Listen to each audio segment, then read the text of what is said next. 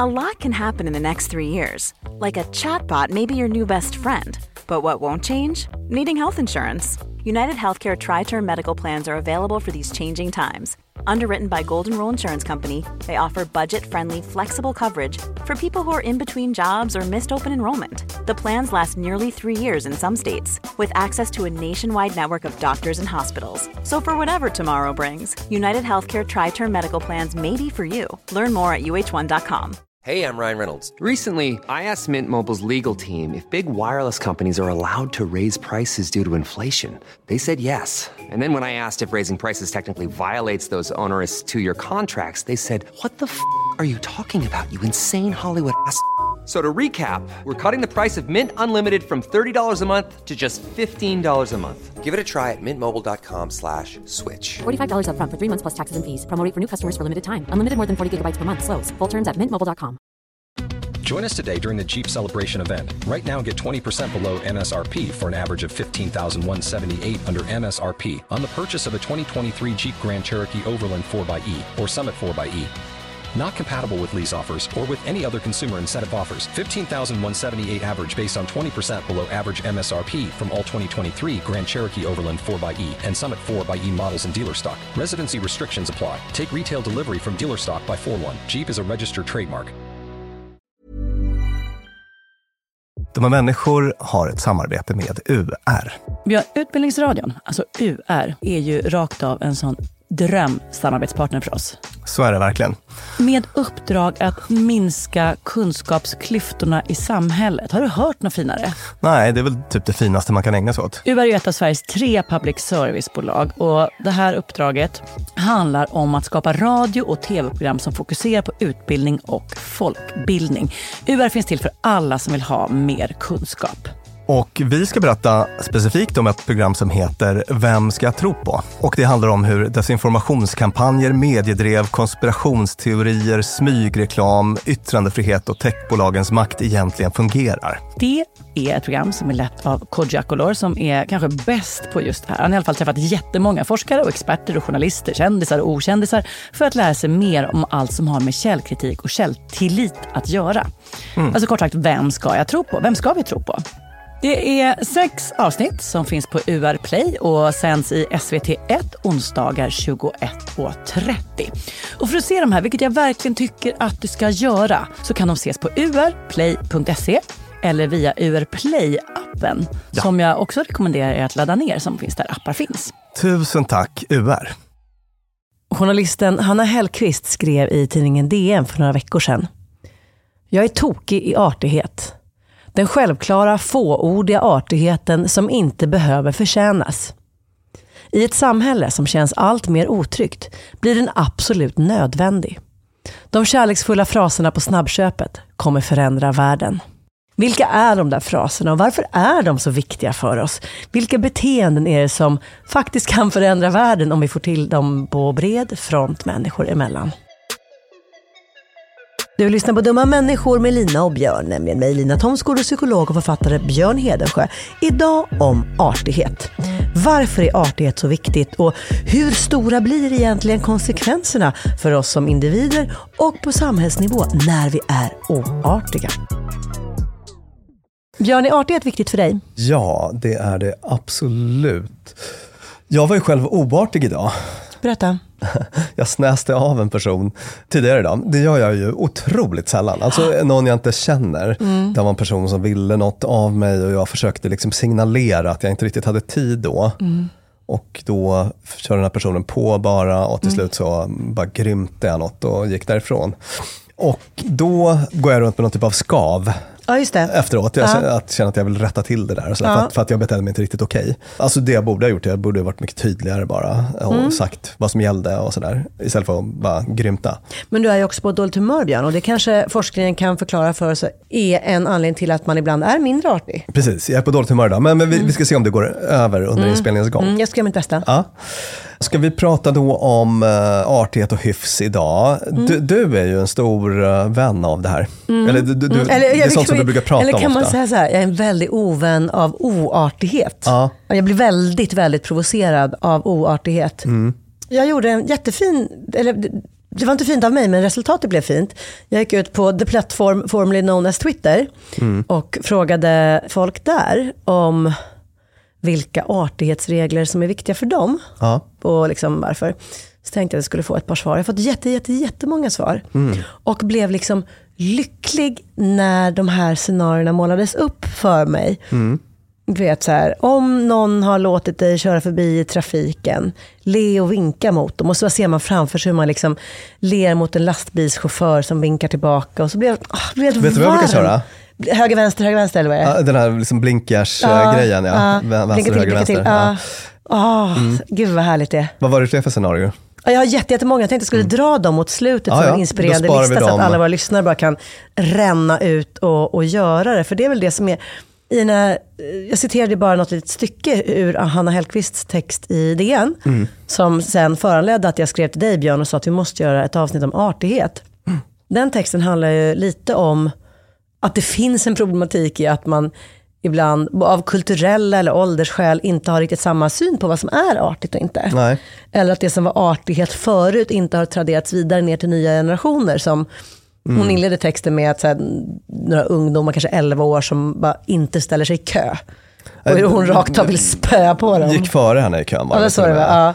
Med eh, motiveringen jag har bråttom. Vilket, vilket hon också hade. Ja. Alltså det, det är ju grovt. Jag är själv särskilt lättriggad när det handlar om just kökultur. Ah, Okej, det är din specialare. Eh, Ah, det, ah. det, det är min, det är min eh, akilleshäl. Alltså jag får genast påslag om jag står i en sån här snabbköpskö och, och det är någon som till exempel står lite för långt åt sidan. Ja. Så att det inte blir riktigt tydligt om den är framför, bakom och sådär.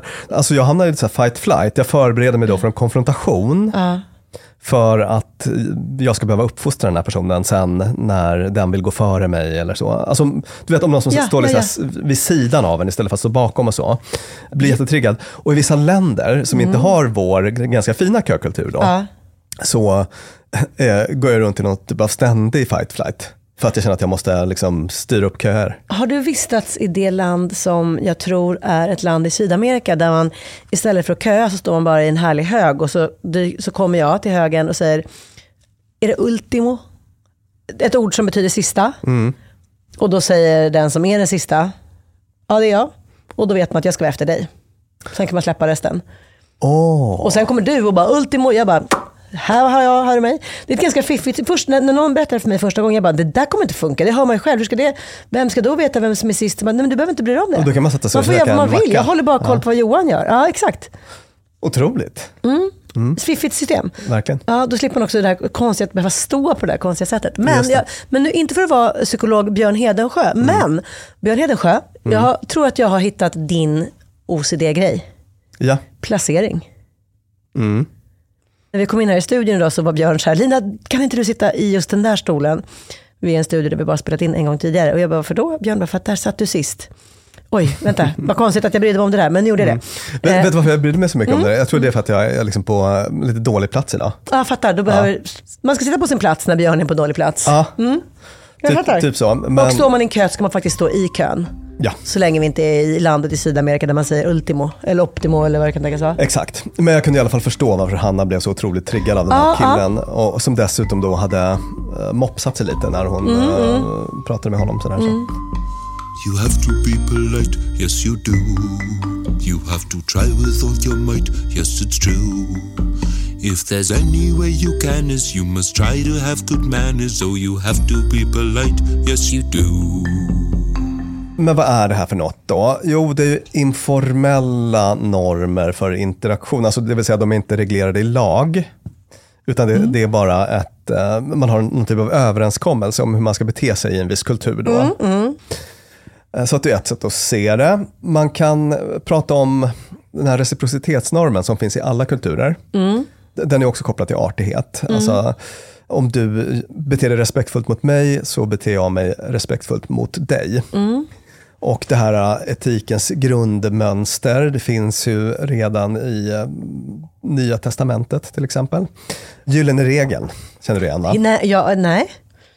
Eller men, det, det uttrycket använder jag väl nio gånger om dagen, men jag vet inte att det fanns en specifik sån. Det finns en specifik Vilken sån. är Och hen? Allt vad ni vill att människor ska göra er. det ska ni också göra mot hen, dem, den, det, det, De. dem. Ja, precis. Så, Alltså så, så, pronomen, jag är ute och så cyklar. det är ju en regel, men, men det var inte så att den uppfanns i Nya Testamentet, utan den finns i eh, alla kulturer. Alltså det här med reciprocitet. Jag kliar din rygg, du Mm. kliar min. Alltså det här att man, man ger och tar och sådär. Mm, eh, Och att det finns ett utbyte. Jag tycker Så- verkligen, om jag hade fått välja vilken regel ska vara den gyllene, Ja, då är det verkligen den. Den är bäst. ja. Den är kanon. ja, men det är väl bra att det är den gyllene regeln. Ja. va? Ja. Ja.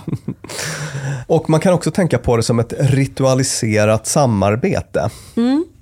Och då kommer jag att tänka på en studie som visar det här väldigt väl. Och den här vet jag att jag har nämnt som hastigast för ett par år sedan i något annat avsnitt, men jag minns inte vilket.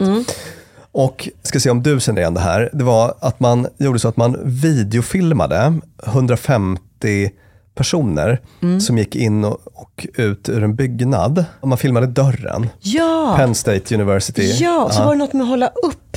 Exakt. Man kollade på folks såna artighetsbeteenden i det här sammanhanget. Då. Till exempel att om man såg att någon höll upp dörren, ökar man då takten för att den inte ska behöva stå och hålla uppe dörren så länge. Om det kommer två personer efter varann med ett visst avstånd, blir det så att man då står och håller upp dörren ganska länge för att de där ska komma in och så. Och sen så satt de här forskarna och räknade på typ så här, hur mycket kalorier gör de av med? Alltså så här, liksom, Vad är energiåtgången för det här? Blir det, om man tittar på kollektivet, på alla 150, blir det här artiga beteendet då mer energieffektivt? Alltså artighetsbeteendena. Ja, ja, ja. E- Eller inte? Ja just det. Hj- Hjälper det på gruppnivå? Hjälper, hjäl, hjälper Ja. det på gruppnivå? Och då tänker vi inte att de här människorna vill banta och vill göra av med extra mycket kalorier, utan snarare liksom effektiviserat Effekt- något ja, av det. Ja. Kalorier var bara en eh, liknelse. Exakt, effektivitet. sådär. Och vad tror du att de kom fram till? Gjorde, Jag tror att det blev det. Jag tror att det blev bra. Ja, det blev bra ja. Precis. Liksom... Så, så att på gruppnivå kunde man se att, att liksom gruppen sparade energi på det här. Ja. Den blev mer effektiv som grupp. Däremot om man tittar på vissa enskilda individer. Mm. Kalle fick stå i 20 sekunder och hålla upp en dörr. Mm. Sämre för honom. Sämre för honom. Men vad mycket alla andra vann på det. Exakt, så att på totalen blev det en vinst. Och Mm. då tänker man sig att det är någon sån här liksom evolutionär rest. Att vi har någon sån samarbets... eh, Mm. tendens av det skälet. Då. Var det du eller min bror som hade sett dokumentären om myror? Det var nog din bror. Eh, synd, för du hade älskat den tror jag. För Mm. när han kom hem till mig och berättade om den så var han liksom helt eld och lågor över just myrornas förmåga att samarbeta. När det var så det, det som man ser som så myrstigar eller liksom kanske till och med inne under jorden i kanske termiter eller något sånt där.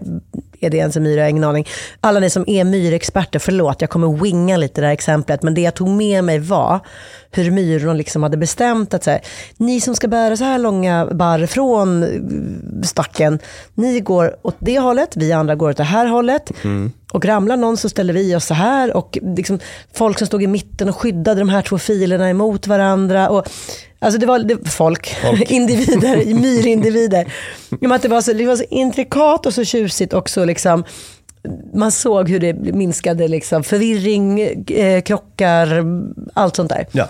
Och då tänkte jag, vad viktigt det är med de där reglerna. Ja, ja. Sen vet inte jag om det här kanske var formella regler i myrvärlden. Det kanske verkligen var lagstadgat. Mm. Till skillnad från våra informella. Men ja, ja.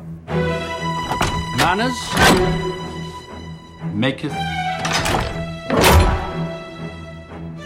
man. Do you know what that means? Vad är det för vanlig artighetsfras, Lina, som du ibland brukar haka upp dig på att den förekommer lite för sällan? tack. Precis. Tack ja. Jag hittade en studie där som visar hur, alltså om man tittar på den här liksom relationsfaktorn då, hur viktigt det där tacket är. Alltså vilka, vilka effekter det får. Det finns en forskare som heter Adam Grant som är väldigt känd. Och sen så en som heter Francesca Gino, båda de här har vi pratat om flera gånger tidigare i podden. Och de gjorde en studie 2010 där de tittade specifikt på vilken effekt får det här tacket på personen som tar emot det. Och då gjorde de så här att de bad 69 deltagare i studien att ge feedback till en eh, påhittad student som kallas Eric. Alltså de visste inte att han var på. Att han var Alltså påhittad som i en skådespelare kanske? Det var liksom elektronisk kommunikation. Okej, så, att, ja, ja. Mm.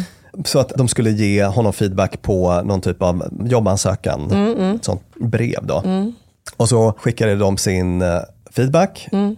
till den här Eric. Och sen så var det så att hälften fick tillbaka ett, någon typ av tacksamt svar från, Mm. från Eric. Och den andra hälften fick ett mer neutralt svar. Mm. Gud. Oh. Att du känner att du, du, du, Men jag hade inte velat ha ett neutralt svar om Nej. jag hade gett feedback på det som Eric skickade. Ja, just det. Och sen var det så att den här Eric då bad om hjälp en gång till. Intriguing. Intriguing, Mm. en ganska enkel design ändå. Och vad tänker du dig, liksom hur, Personerna som fick ett tack var villiga att hjälpa igen, de andra inte. det var så, det som var lite intressant där var med, med vilken otrolig skillnad det var. Okej. Det, det var liksom ja, men 100% eh, fler som var villiga. Ah, att- åh, lägg hjälpa efter detta på minnet, älskade poddlyssnare. Lägg detta på minnet. T-A-C-K. Ut med det. Skriv det. Skicka det. Säg det. Ropa det. Blomma. Allting. Tacka, tacka, tacka, tacka. Och gör, om, du, om du känner att du inte vill göra för någon annans skull, gör det då för din e- högst egna skull. För att du någon gång igen ska få skjuts. Eller mat. Eller sällis eller vad det kan tänkas vara. Och sen så har vi en annan fin grej som kom fram i den här studien. Då, för Ja. då gjorde de en liten pryl till. Att en dag senare Mm. så fick de här deltagarna då i studien ett mejl från Steven. Mm, en helt annan. En helt annan figur. Ja. Som bad om eh, hjälp med ungefär samma sak. Då. Ja. Och eh, även här var det så att de som hade fått ett tack av Eric Ja. dagen innan var dubbelt så benägna att hjälpa Steven. Nej, men okej, igen, lyssnarna. Nu gör vi det här. T-A-C-K, tack, tack, tack, tack, tack. Om inte för andras skull, så för din skull. Och om inte för din skull, så för Steven i bemärkelsen nästa person som ska få hjälp. Ja. Glöm inte att ha tackat. Så att upplevelsen hos den som har hjälpt blir att det är mysigt att hjälpa till. Det här har jag ork och vilja att göra igen. Just det. Det är så lätt fattat att vi människor hittat på ett ord som innehåller fyra bokstäver som fullkomligt förändrar vår lust att bidra eller inte bidra. Är inte det jättekonstigt? Jo, visst. Att tack, fyra bokstäver, ska kunna väga upp liksom en sju rätters måltid eller en skjuts till och från Ikea med hyllor som ska köpas och sådär. Och sen så är det det här tacket. Ja, verkligen. Och det är också så att, att folk som har eh, mycket artighetsbeteenden för sig, Ja. finns jättemånga fördelar kopplade till det. Jag såg någon typ av enkätstudie här bland arbetsgivare, amerikanska arbetsgivare, alltså top-level-chefer. Och där sa 95 procent att artighet, good manners, var mycket viktiga för att eh, en person skulle ha en framgångsrik karriär då. Och två tredjedelar sa att det var extremt viktigt. Har man någon form av artighetsutbildning i skolan? Nej, det har man väl inte. Nej, men jag tänker att alltså, ingår det i, du vet, så här, bordskick i hemkunskapen? I svenskan får man lära sig att... ehm, Alltså, i, i, det var så, länge, så fruktansvärt länge sedan jag gick i skolan. ja, inte på min tid i alla fall. Nej. utan det- det här har man ju väldigt mycket hemifrån. Nej, men det, jag tänker att det blir lite orättvist. För det är inte alla som har föräldrar som har koll på eller ork eller stressfri vardag nog att orka bry sig om att... Nej, precis. Men eh, alltså, jag brukar tänka på att de, de som har lagt lite, ner lite jobb på det där, Mm. Gud vilken hjälp de, de ger ungarna. Ja, verkligen. Att lära sina barn hur man gör för att bli liksom, Ja, eh, respekterad, omtyckt och välkommen. ja. Min kompis Erik träffade hans son August för ett tag sedan. Ja. Eh, hur gammal är August? Vad kan han vara? En tio bast kanske? Och första gången jag träffade honom på ett halvår. Hej Björn, vad roligt att se dig. Hoppas du har mått bra sen sist vi sågs. Nej, August, marry me. Ja, alltså, du vet den grejen. Alltså, den stöter man inte på så himla ofta. Nej. Där känner man ju så här, bra jobbat Erik och Elisabeth. Och gud, nu ska jag hem och drilla mina barn. Jag läste en intervju med Clarence Thomas som jag tror är en ganska kontroversiell domare i amerikanska högsta domstolen i och för sig. Då. Men han, han sa att good manners will open doors that the best education cannot. Ja, Och det ligger nog en hel del i det. Tror jag. Alltså jag tror att man kan komma väldigt långt på, på den typen av liksom vardaglig artighet. och det där tänker jag är, eh, vi har berört det i tidigare avsnitt, men den här liksom klassaspekten av det hela. Nämligen att det känns som att överklassen har det där mer kulturellt inlämnat i vardagen. Att det är så här, hur man sitter, hur man står, bordsskick och att det, är så här, det finns liksom mer rutiner, det finns liksom tydligare danssteg Ja. I överklassen, tänker jag mig. Medan det kanske i då säga, lägre samhällsklasser är, alltså bjussighet och bussighet och sånt kanske tar sig lite mindre ritualiserade uttryck. ja, kanske. Kanske. Det här, jag, jag liksom bara gissar för att jag ser framför mig hur Jo, man, med bara för att man går på en middag på, hos liksom, överklassen så är det liksom, man tittar i ögonen på det här sättet. Man, Ja, visst, visst. Ja. man går först till salongen och sen så gör man det här och ja, vad det nu var, jag är inte van vid de salongerna. Men att det ju på något vis ger ett försprång för barn som har vuxit upp där det där är en självklar del av uppfostran. Det får man bara inte misslyckas med. Nej. Det funkar inte att växa upp på Kaptensgatan och eh, Fingata, jag bara tog en, och liksom inte veta hur, att, så här, då kommer det med bröstmjölken att bete sig som din kamrats son. Och sen i andra samhällsklasser så är det viktigare att veta precis hur man liksom eh, sparkar en fotboll eller pallar ett äpple eller Ja, något ja, sånt. Och det, då kan man väl säga, då, då vore det, vore det intressant om det här med good manners, att det fanns fler instanser där man kunde få tillskansa sig sån kunskap. Ja, Varmt välkomna till min nya podd Hyfspodden. När vi hade börjat skolan igen nu i höstas så sa fröken en dag att vi alltid skulle försöka göra andra människor glada. Man skulle aldrig göra sånt som folk blir ledsna av, sa fröken. jag tänkte vi kan prata lite om oartighetens kostnad. ja, För att nu har vi pratat om uh, artighetens vinster Ja. och bara om man vänder på det där. ja just det. Mm. För det heter det kul forskning om. Ja. Och bland annat då en amerikansk enkätstudie. 800 chefer och medarbetare i 17 olika branscher då. Som hade varit i the receiving end of incivility. Alltså att de hade på något sätt Utsatts för oartighet. utsatts för oartighet. Ganska vanligt på arbetsplatser. Jag tycker jag stöter på det ganska mycket på kliniken och sådär. Att, att man har problem med alltså kollegor som är otrevliga på olika sätt. Ja, ja. Är du nyfiken på resultaten? Ja, det är 48 procent som hade utsatts för oartighet på jobbet ja. drog medvetet ner på sin eh, ansträngning i arbetet. Oj! Det här är in och tassar på området bad apple-effekt-avsnittet. Exakt. För nej, om vi säger så här, arbetsplatsen är bra, chefen är bra, men jag har en kollega här som går runt och är oartig. Ja. Och det får mig att leverera mindre till arbetsplats och chef då, eller liksom. Ja, precis. Mm. Runt hälften av de tillfrågade sa att de hade tillbringade mindre tid på jobbet. Fyra av tio sa att de medvetet hade dragit ner på ambitionsnivån eller kvaliteten i sitt arbete. 80% uppgav att de hade förlorat arbetstid eftersom de hade gått runt, och grubblat över den här incidenten eller oroat sig kring den. Oj. 63% sa att de förlorade ar- arbetstid eftersom de på olika sätt undvek den här oartiga personen.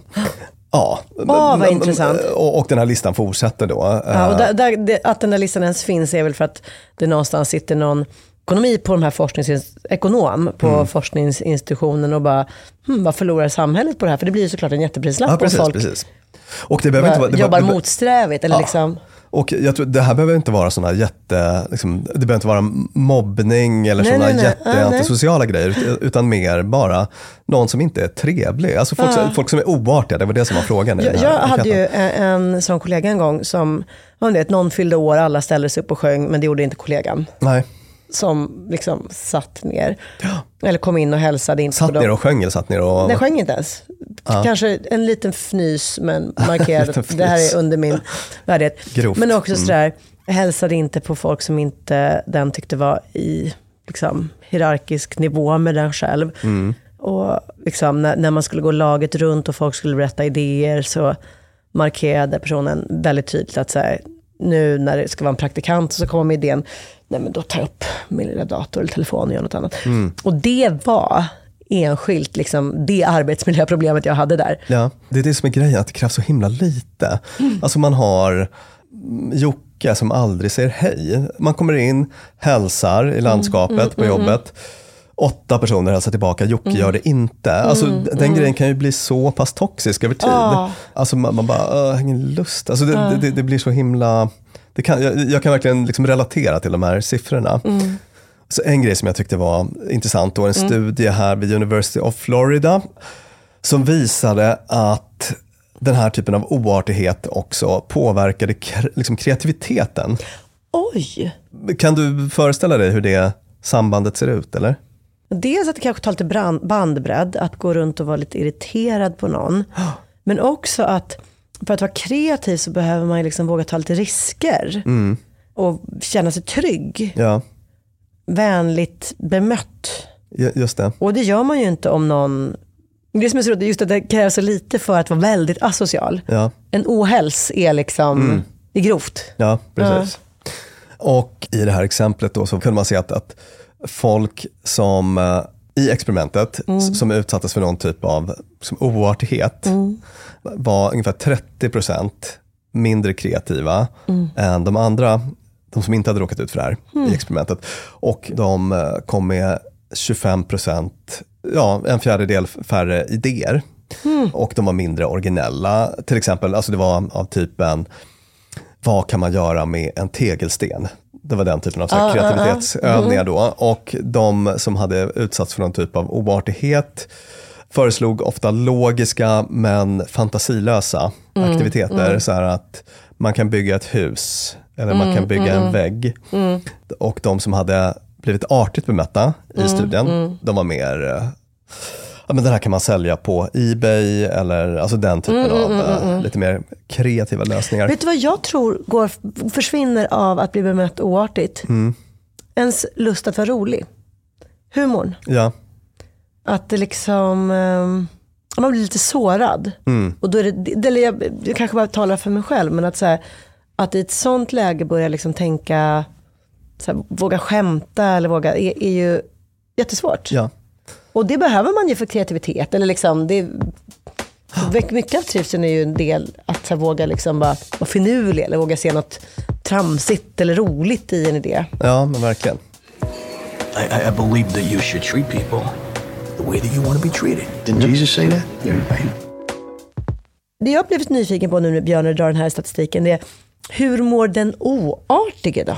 Ja, den oartiga har förmodligen inte kanon. Nej. Eh, Jag tänker det relaterar ju mycket till det här med likability och så, som jag har skrivit bok om. Att om man ägnar sig åt omtyckbara beteenden får man ju också mycket fler positiva interaktioner då. Alltså att den här personen kommer gå genom sin dag och möta massa sura människor. Som är mindre kreativa, Ja, som är mindre innovativa, eller hur? ja det också. Ja. Så att man kommer ha en eh, liksom mycket tristare vardag med mycket färre positiva interaktioner och mycket mindre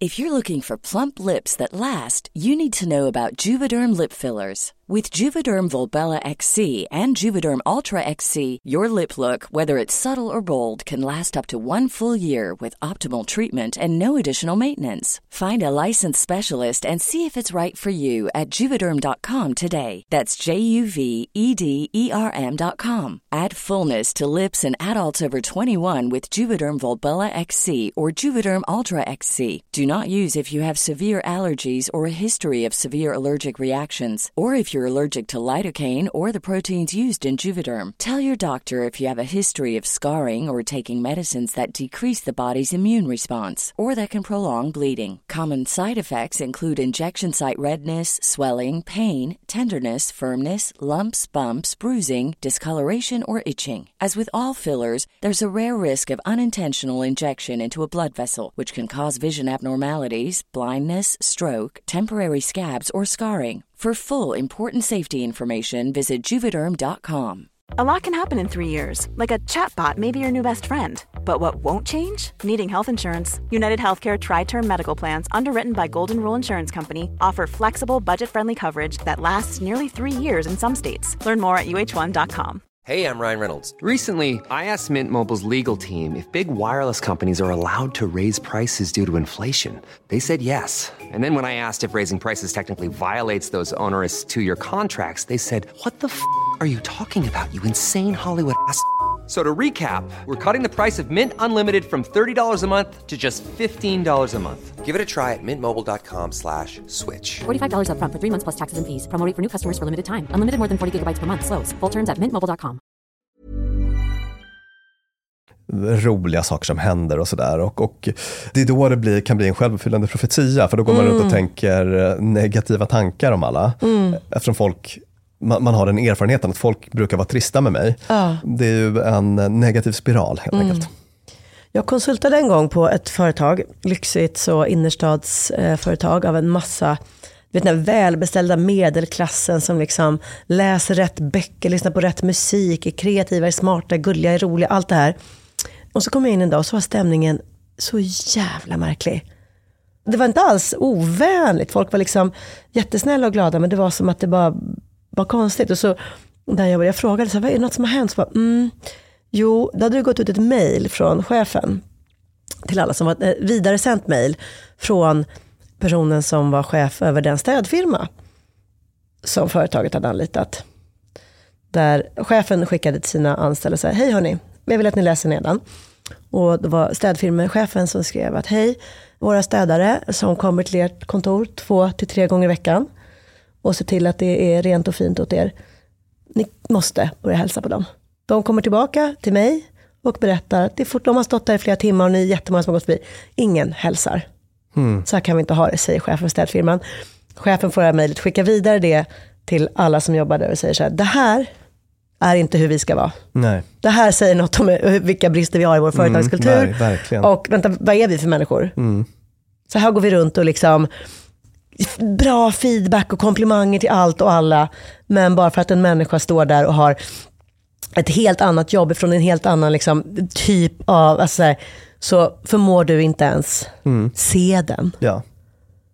Och det var så otroligt intressant hur den här liksom, krocken hade påverkat alla som liksom, vet du vad, det, var, så- det var skamset och, eh, och, och också med rätta. För de, alla de här, man frågat dem innan mejlet från chefen kom, de hade tyckt att de var, absolut, de var så jävla artiga. Otroligt väluppfostrade och liksom hyfsade. Eller vad heter det, med hyfs. Det var också, eh, jag ska, har jag lovat er lyssnare att mot slutet av programmet ska jag dra en lång underbar lista över artiga beteenden att inte slarva med. Men jag kan bara säga redan nu att just det här att bete sig vänligt och hälsa mot personer som är i serviceyrken av alla möjliga slag. Det är nog det som flest personer har eh, sagt är jätteviktigt. Just det. Jag vet inte om jag har dragit den där uh, anekdoten om Richard Branson. Det är ju den här amerikanska Virgin-mannen. Um, industrimagnet. eller- Rymden eh, också han, någonting. Han är britt förresten. Och flyg, flygplan. Vi- Visst är han brittisk? Ja, det tror jag. Ja, Virgin, exakt. Han har ju numera de här rymdturismgrejerna Mm. och sånt där, tror jag. Men han hade också någon typ av uh, program som hette The Apprentice, tror jag. Mm, Det man kunde vinna var väl ett jobb hos honom då, på något sätt. Mm. Och då hade han ett upplägg där han började med att hämta upp The Apprentice, alltså kandidaterna, utklädd som taxichaufför Ah. på flygplatsen. Och då kunde han se hur de betedde sig mot honom i den rollen. Och om de inte var vänliga, artiga, hyfsade i den kontakten, så var det tack och hej direkt. Ja, Och det är väl en bra ordning, kan jag det tycka. är det. Och lilla gås fick jag. Ja, och, och jag tänkte på det här som du pratade om tidigare med att den äh, kanske mm, liksom lite högre samhällsskikt har mer ritualer för sig och sånt. Men eh, om man inte kan omsätta det i en äh, vardaglig vänlighet även mot folk Ja, exakt. Längs med Men- hela men- men äh, lägre- samhällsstegen. Eller med lägre liksom formell alla, eller informell ja, status, då är inte det någonting värt. Nej, det, jag har en kompis som var på en svensexa som berättade hur, hur en person där som är en sån här som är riktig hedersknyffel. En sån som alla gillar. En riktig toppkille. Toppinkomst, toppbakgrund. hade han sett hur den här människan betedde sig. Och under då, om det var svensexa eller semester, eh, hur han betedde sig mot eh, det som han rakt av såg som undersåtar. Ja. Alltså du vet, det var liksom, det var grovt. Ja, och det är ju fruktansvärt, alltså ser man det, Mm. alltså ingen gillar det. Nej. Och sen tänker jag på en sak till, alltså bara i, i rent egenintresse. Mm. Vi har ju pratat om den här maktparadoxen flera gånger, det vill säga fenomenet att folk som får makt och inflytande Mm. tenderar att ganska snabbt lägga sig till med, med antisociala tendenser. Just det, man tycker att man förtjänar makt och inflytande, jag behöver inte längre bete mig speciellt vänligt. Nej, just det. Mm. Och det där tycker jag att jag har bevittnat nu x antal gånger i livet, att, att folk som har, ja men, det, det går bra för dem av något Ja, skäl. ja, ja. De får en befordran eller vad det Och då plötsligt börjar lägga sig till med, alltså bli lite osköna. Sluta komma i tid. Ja. Ah, Precis. En bekant till mig nu som det går väldigt bra för. Mm. är det jag? Nej, jo, det går väldigt bra för dig. Men, men den här personen har, har jag funderat på om man skulle ta det snacket. Ja, just det. För att jag tycker att jag kanske har sett någon liten... Ja. Ja. Och vet du vad, vi har ju båda två, både i det avsnittet Ja, ja, ja, och när vi pratar om det här, tydligt kunna pinpointa många av de där beteendena som vi själva la oss till med ganska snabbt. Ja, just det. Efter att liksom Japp. man serveras makt och inflytande. Att man bara, men inte ska väl jag behöva bete mig som vanligt folk? Nej men exakt, Mm. precis. Så, att, så att det där får man vara väldigt försiktig med. Alltså jag tror bland det första som åker är den här typen av vardagliga artigheter och, och hyfs och sådär. Mm, Och det är alltid, alltså, om man bara ska gå tillbaka till krasst egenintresse, Ja. så är det så att om du är otrevlig med, med receptionisten nu, vem Mm. vet, om tio år kanske du söker jobb hos henne. Alltså den typen av grejer händer ju hela tiden i en karriär till exempel. Alltså jag Mm, menar, man, man, man, man träffar samma människor igen. Ja, Och har man då varit en rövhatt, ja, alltså det är bara så himla onödigt. exakt. Förutom att livet blir sämre för alla där och då, så kan det verkligen komma tillbaka och bita dig i svansen sen. Jag har sett det hända. Så att, eh, jag tycker att det är så himla kortsiktigt och konstigt. Och igen, påminner om att det här inte handlar om att så här, fälla krokben för någon karriärmässigt. Eller så här, lägga jättemycket tid på att vara underbar mot någon. Utan bara så här, vi pratar om att vara artig eller oartig. Ja, exakt. Att, här, att här, säga det att jag, vi pratar säg att jag är på en arbetsplats och säga kommer... hej, det är ja, le, liksom, exakt. bara Hålla upp en dörr, hjälp till att bära någonting som är tungt. Möt en blick. Ja. Alltså små, små grejer. Ja. Ja. Verkligen.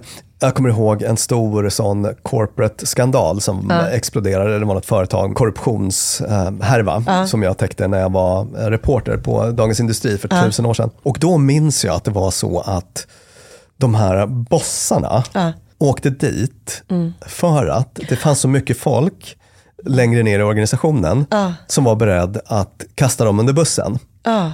Alltså att, att lämna ut olika typer av material och sånt där. Ja. För att de här hade varit så gräsliga med dem.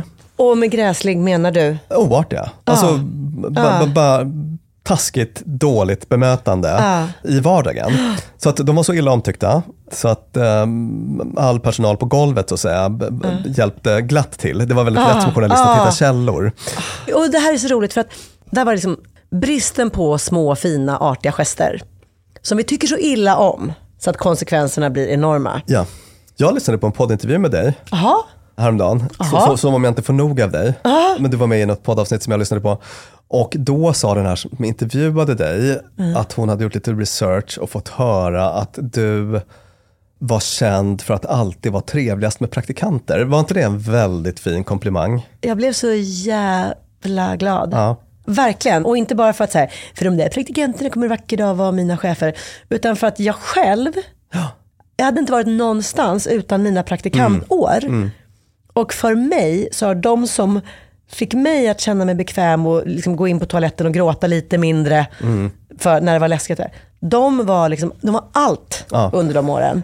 Precis, alltså de bär man i sitt hjärta Ja. forever. Ja. Och det, det är faktiskt samma med mig också. Det är ju inte svårare än så. Det är bara att gå tillbaka till när man själv var en liten plutt. Ja, Och så, och fundera, hur, hur vill jag bli bemött då? Gyllene regeln. ja, exakt. Gyllene fucking regeln. Ja. Den finaste, viktigaste. Vi tar den igen Björn. Bete dig mot andra som du själv vill att de ska bete sig mot dig. Ja. det är lite rewritten där men, Ja. men ja. Mm, men det är ju andemeningen. I don't actually think that the stereotype of a business person treading all over people to get to the top, generally speaking, works. I actually think that the, you know, the, be- the best way of becoming a successful business leader is, is dealing with people, you know, uh, fairly and, and well. Vi var ju inne på lite grann, vad får man med sig de här beteendena ifrån? Och det är ju väldigt mycket uppfostran då. Mm. Så jag, jag tänkte bara man kan skicka med två snabba uh, takeaways till föräldrar egentligen. Ja. Och det är ju att dels att man eh, modellerar själv. Mm. Alltså att man i olika situationer visar barnet att Mm, så här är mm, jag. mm, mm, mm. Så tar de efter det då. Just det. Eh, och det andra är det här med operant betingning. Oj, wow.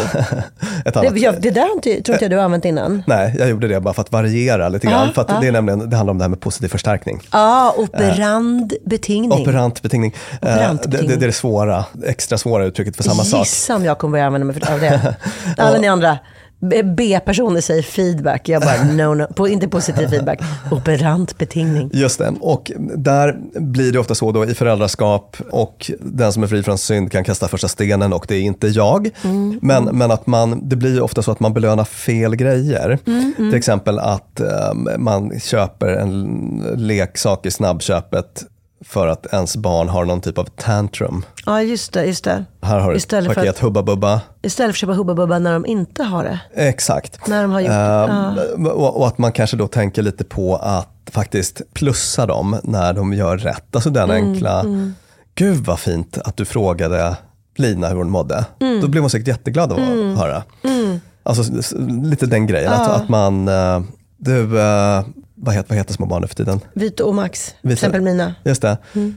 Du Vito, gud vad fint att du uh, tackade så himla fint när du hade fått Aldrig presenten. hänt. Aldrig hänt. Nej men, han är tre. Två. Två. Mm. Max då? Alltså, Ja, skulle man kunna säga exakt. det till. Ja, verkligen, Ehm, verkligen. Den typen av, Ja. bara liksom, i nära anslutning till att de har gjort det här beteendet som är, som är Mm. bra, att man går in och bara plussar dem för det. Då förstärker man det. Då kommer det beteendet att upprepas mer. Bara påminna om den enkla grejen. Och då vill jag slänga in en sak och Mm. du kanske vill producera, men vi har ju pratat ibland om det här med rigida livsregler. Mm. Alltså såna regler för hur man ska leva som egentligen, man egentligen inte kan argumentera för. Det bara, det bara är så. Eh, Som man ofta har med sig hemifrån. Där jag försöker få mina söner att ha artighetsregler som sådana. Så här, det här tummar vi aldrig på, Nej. mina barn. Precis, men, men, men folk- ska vi problematisera det? Ja, kanske. Kanske jag ska Ja. bara säga vilka de är. Ja. Och sen vill jag säga att de är inte rigida i bemärkelsen, alltså, de, jo de är rigida men de är, det finns ju goda skäl nämligen att artighet är bra. Mm. Men att sådär, man tittar folk i ögonen när man hälsar och man ler. Och man är artig mot vuxna. Ja. Och det, det, är så, det, det finns inga undantag. Man tittar i ögonen, man ler och man är artig mot vuxna. Mm. Och sen säger man tack och snäll. Jag har sån där, och det tänker jag mig då att du ska säga nu när du vill nyansera och att, att om det blir sådär påklistrat regligt så kommer de bara göra det när jag är i närheten och inte vilja göra det sen. Eller? Nej, alltså jag, jag tänker det kan väl vara... Jag tänker att det ska gå ungefär som att borsta tänderna, man, Ja, bara, man bara gör ja, det. Att det ska bli helt automatiserat. Helt ja. automatiserat. Ja, Finns, jag ska, de ska inte behöva tänka på om Nej, de ska visst, visst. våga gå fram och hälsa eller inte, utan det, det gör man. Mm, exakt. Och grejen, det fina med det är ju att det är uh, naturligt förstärkande. Alltså Mm. de, kommer Ja. få, de kommer få omedelbara belöningar Ja. i form av ett positivt gensvar. Så Mm. att ehm, den typen av, det, det tror jag kan vara jättebra. Mm. Men det enda problemet är ju att det, det finns väl fall när Alltså om psykopat psykopatson Ja. är helt fruktansvärd men är vuxen, ska de fortfarande vara artiga med honom? Ja, du menar så. Ja, alltså jag tänker mig om den generella, så du Max är en person Mm. som hälsar och tittar folk i ögonen och ler. Så här, ja, även om det är psykopat, psykopat som. Sen kan du få gå därifrån, du kan få polisanmäla, du, allt det där kan du göra. Men i den här familjen, Man börjar så.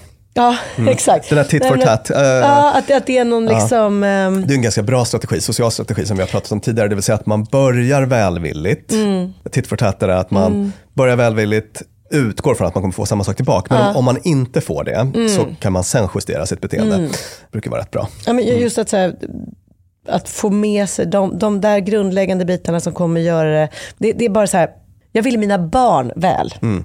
Alltså vill jag att de ska le och titta folk i ögonen Mm. oavsett om det är busschauffören eller förskolefröken eller förskolekompisens mamma. Eller så där. Om Ja. man tittar i ögonen och säger hej. För gör de det så kommer deras liv vara x procent bättre. Ja. Så en tydlig instruktion, Ja. sen positiv förstärkning när de gör Ja. rätt Ja. och sen så kommer det att sitta. Mother, where are your manners? Don't argue with our guest. Nu älskade lyssnare, det här kommer kännas lite uppfostrigt, men det är inte första gången vi ska uppfostra oss själva och er. Och när jag säger vi, då menar jag inte bara mig och Björn, utan även då alla de här ljuvliga typerna som på plattformen, formerly known as Twitter. Du vägrar säga? Ja, var det- var det- Exet, men vet du, det känns som att jag stöttar Elon Musk när jag gör det. Ja.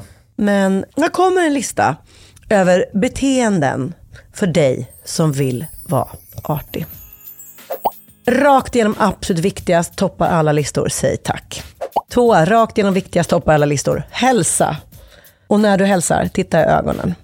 Och när jag säger hälsa, då menar jag busschauffören, personen inne i klädbutiken, städaren inne på ditt fräcka kontor inne i Stockholm. Hälsa. Le, och nu är jag inne och tassar på din bok Björn, det här med omtyckta människor. Le för 17 gubbar. Det kostar ingenting. Och Nej. det, kommer, det funkar jättebra. En fråga som är kanon för dig som vill vara artig. Kan jag hjälpa till? Ställ den lite oftare än vad du tror. Så fort du ser någon som har något att lyfta eller koppla in eller tittar sig omkring och inte riktigt vet Det är så vägen. mysigt att höra, eller... fast även om man inte behöver hjälp så är det jättefint kan att jag höra. hjälpa till med Ja. något? Exakt. Den är, och den är så mysig. Och fatta hur mysig du kommer känna när du har sagt det. När du har varit på ett kalas eller middag eller tillställning, tacka efteråt. Tacka, tacka, tacka. Alltså du behöver inte säga hej tack nu går jag hem. Man kan skicka ett sms sen eller man kan skicka tackkort eller så. Men det är så himla fint och jag ska säga nödvändigt. Annan artighetsgrej är att ta med någonting när man blir bortbjuden. Och där kan man eh, köpa en blomma på mataffären runt hörnet. Man kan ta med en pocketbok man har läst som var bra. Man kan ta med en liten låda jord. Det här, det här vet ni, men, men ta med något, det är trevligt. Och såklart att bjuda tillbaka. En sak som jag tycker är lite viktig. Om någon har gjort något lite speciellt med sitt utseende. Alltså klippt sig en speciell frisyr eller eh, något sånt där. Låtsas inte, inte om det. Nej. För det gör man ibland. Mm. Och personen i fråga, det är det enda den tänker på. Mm. Här går jag runt och har liksom Klippt lugg. klippt lugg. Eller har ett speciellt läppstift eller har min nya sportiga stil. Hitta ett fint sätt att säga så här, oh, wow, vilken sportig fin stil. Eller så där. För annars kommer personen i fråga bara malar där i sitt huvud. Det här kanske, är- jag vet inte om det klassas som artighet, men det är jätteviktigt. Om du är ihop med någon, väck aldrig din partner. Om det inte är så att du verkligen vet att den här personen ska upp till något jätteviktigt på morgonen och håller på att försova sig, låt den sova. Ja, det här är lite småbarnsförälder. Nej, vet du vad? Så här, det har alltid varit för mig. Man får inte väcka någon som sover. Alltså någon eh, blir väckt av någon mysig puss på Nej, nej, nej, låt den sova. Okej. Okej, den här regeln, det, Ja. det, det kanske inte var så här, den lutar sig inte mot forskning. Nej. Men i tidningen The Cuts, Ja, hyfslista för hur vi ska leva tillsammans efter covid, ja, där finns den regeln med. okej. Den här är också jättebra. Om du är i ett socialt sammanhang och så säg säg att du Björn börjar berätta en historia för mig och så har du redan berättat den. Ja, Då har jag exakt två sekunder på mig att säga det till dig. ja. Gud, det här, vänta, det, det, jag tror att du har sagt det till mig redan, Mm. ska jag säga. Mm. Men jag får bara säga inom två sekunder. För om jag inte gör det då, då får jag tyvärr låtsas som att jag inte har hört den förut. Ja, men det är bra. För det blir outhärdligt för dig att bara prati, prati, prati och sen är du nästan färdig. Så Mm. bara, det där hade du sagt förut faktiskt. det går ju inte såklart. Mm. Inga telefoner vid matbord. Period. Nej, den, den är bra. Och det kan man kan nästan säga vid fikabord, vid drinkbord och så. Mm. Inga telefoner. Jag skulle säga att det är den enda etikettsregel jag klarar av med ungarna. Ah, Okej, duktigt. Det är Konsekvent. vi är inte bra på det. Alltså är det så här, då lägger vi undan våra telefoner. eller alltså, man bara vet, man tar inte med De ska sig bara vara någon annanstans. Liksom. Ja, Just då, bra. Just då. Inspirerande. Också ett bra tips från The Cut, apropå just det här med, med när man hälsar på varandra. Att om jag är på en fest och så träffar jag någon där och jag vet att vi har träffats och den kommer inte ihåg det. Då är det en jättebra sak att direkt säga, att liksom hjälpa på traven. Och säga, hej, god vi har setts. Det är jag som är Alex flickvän Lina.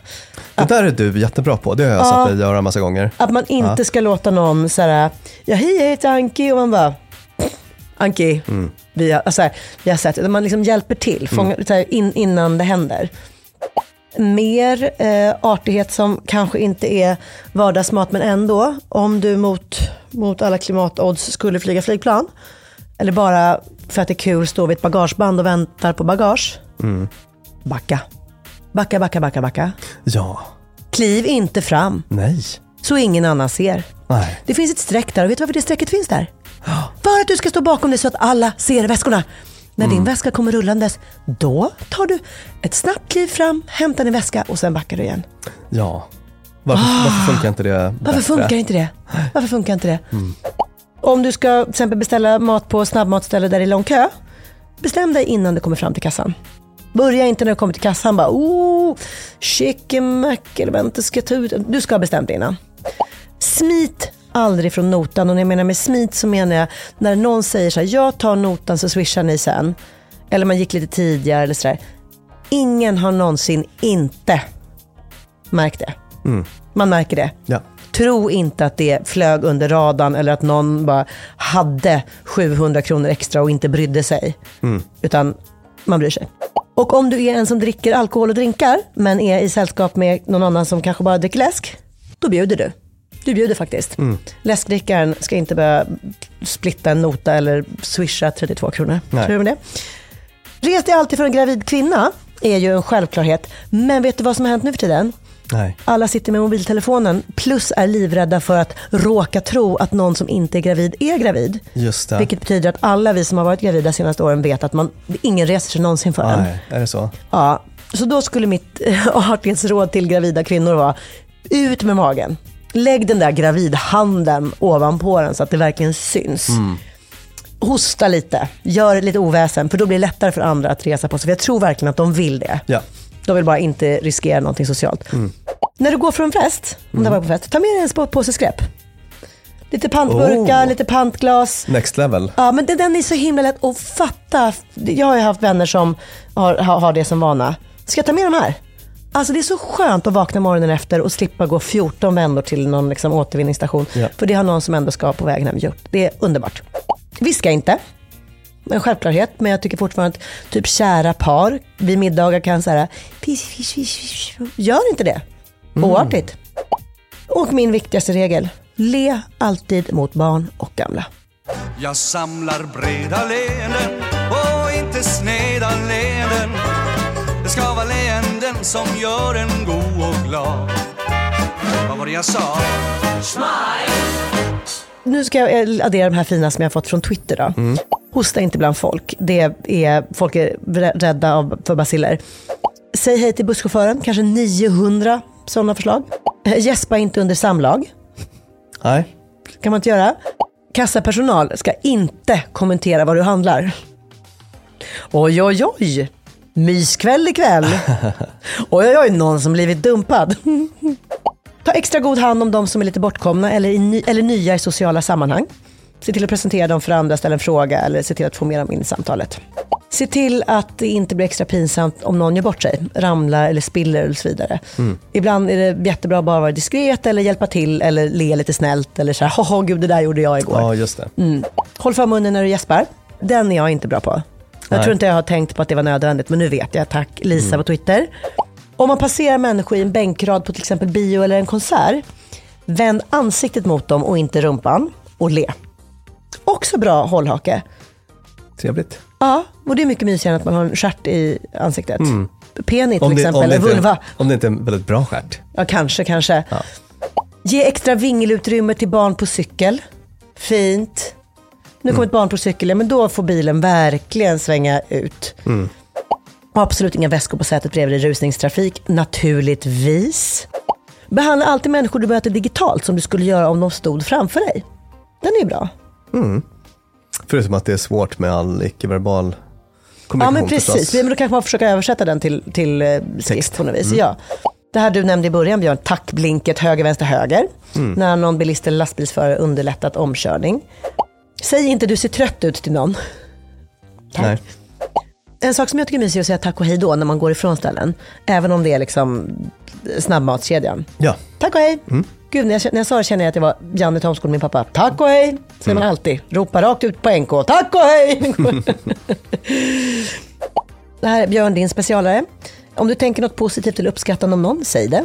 Mm. Det kan aldrig bli urvattnat eller för ofta. Bara säg det. Om man är genuin och specifik så funkar det, så finns det ingen inflation. Då kan man köra på hur mycket som helst.